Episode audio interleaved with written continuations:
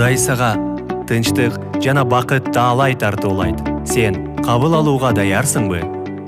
Анда салам программасына кош келиңиз.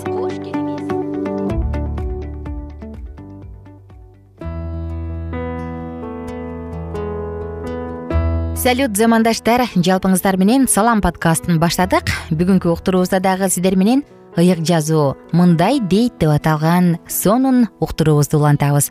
ыйык жазуу өзү тууралуу эмне дейт? ыйык жазууда кандай сонун маалыматтар бар? Булардын баардыгын алдыңкы жети сегиз мүнөттүк убакыттын ичинде сиздерге тартуулайбыз. Маалыматтарды угууга даярсызбы? Жашооңузду жакшы жакка өзгөртүүгө даярсызбы? Анда биз менен бирге болуңуздар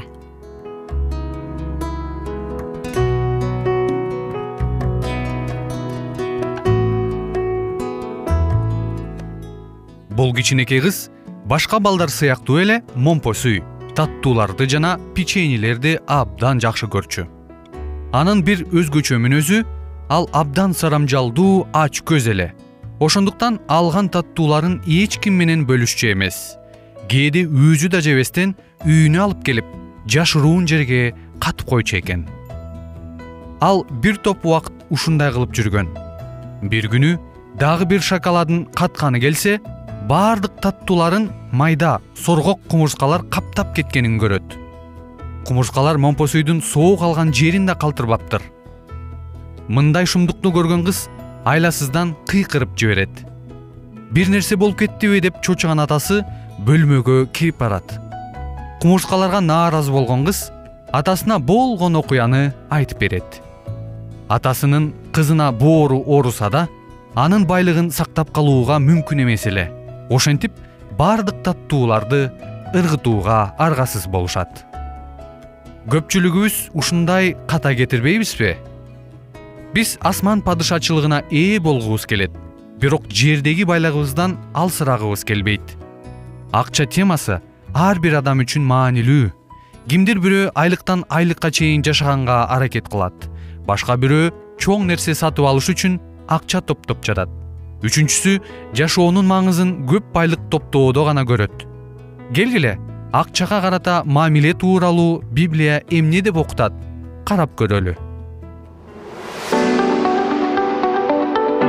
Сизди кызыктырган баардык суроолорду whatsapp номерине жазыңыз.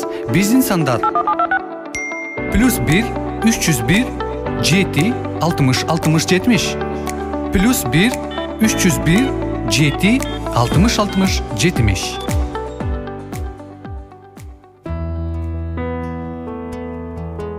замандаштар биздин бүгүнкү он бешинчи сабагыбыз менин капчыгымдагы кудайдын акчалары деп аталат. Карап отурсаң күлкүлүү бирок чын эле адам ушул кичинекей сарамжалдуу кыз момпо суйлардын баардыгын чогултуп отуруп аягы кумурскага жетирип жибергендей биздин жашообузда дагы акчаларыбыз биздин кайсы бир ийгиликтерибиз жөн гана жерде болуп калышы мүмкүн. Анда биздин капчыктагы акча дагы кудайга таандык болсо анда эмне баардыгы кудайга таандыкпы келиңиздер бүгүнкү уктурууда ушул тууралуу сөз кылалы. Акча дегенде эми кичинекей бала өзүмдүн жашоомдон көргөм акчасын чогултуп чогултуп чогултуп отуруп аягында бир жолу скрипка сатып алат.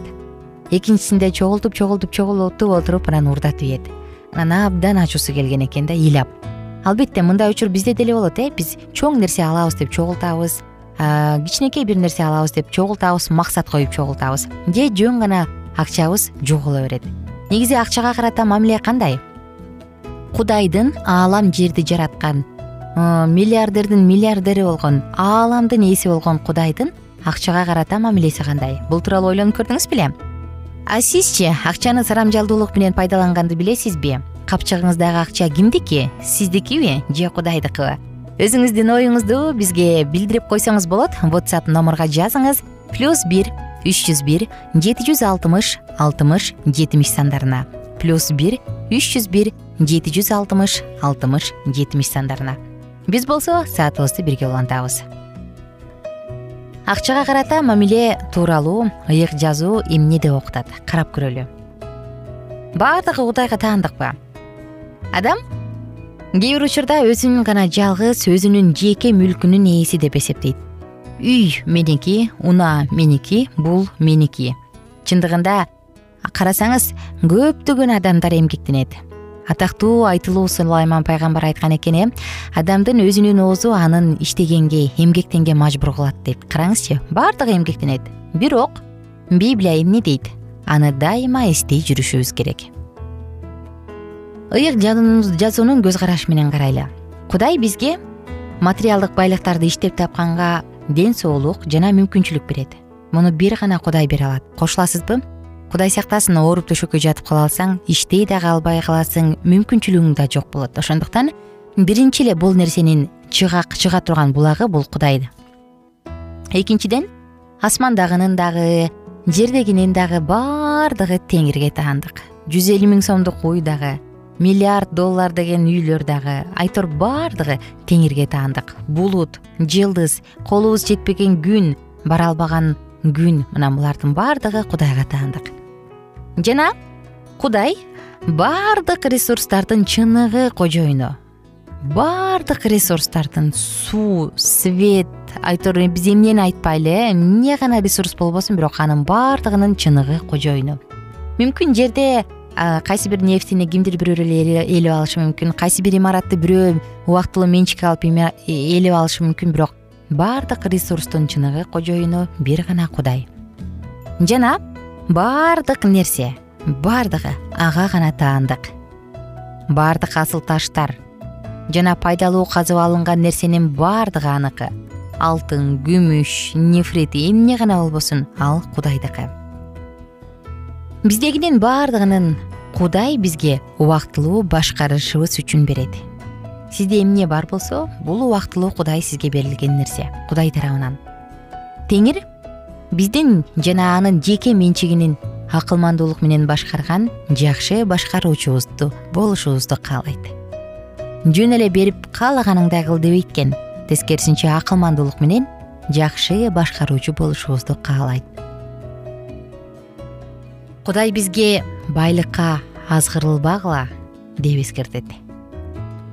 Адамды сынагың келсе бийлик менен байлык бер деп бекер айтпаса керек э? Биздин каражатыбыз өзүбүз үчүн гана сарпталышы керек.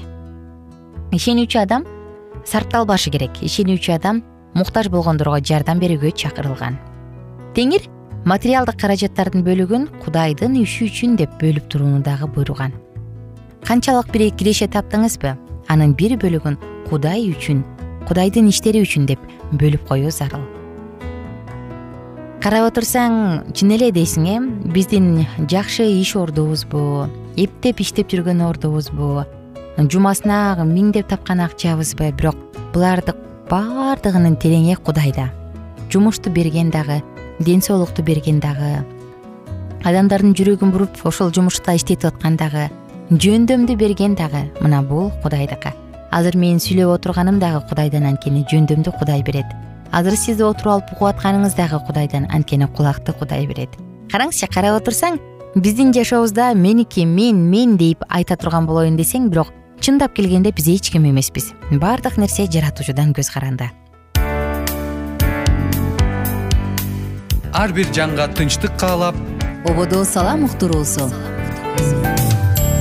достор ушул уктуруубуздун жыйынтыгында мен угармандарыбызга дагы кайрыла кетким келип турат. Эгерде сиздерди кызыктырган материалдар маалыматтар бар болсо анда алкитап чекит медиа сайтына кириңиз дагы. Биз тууралуу кененирээк таанышып сонун курстарды өтүп өзүңүздүн билимиңизди жогорулатыңыз. Алкитап чекит медиа сайтына. Жана жогорудакы да жаңырган whatsapp номурга суроолор болсо кызыгуулар болсо жазып коюңуз. Дагы бир жолу кайталап кетейин жазып алсаңыз болот. Плюс бир үч жүз бир жети жүз алтымыш алтымыш жетимиш сандары.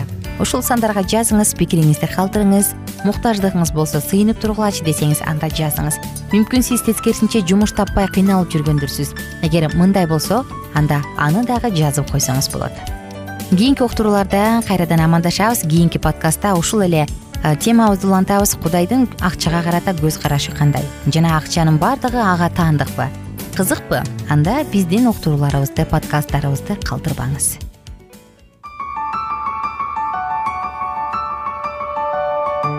Бир гана кудай чыныгы тынчтык берет.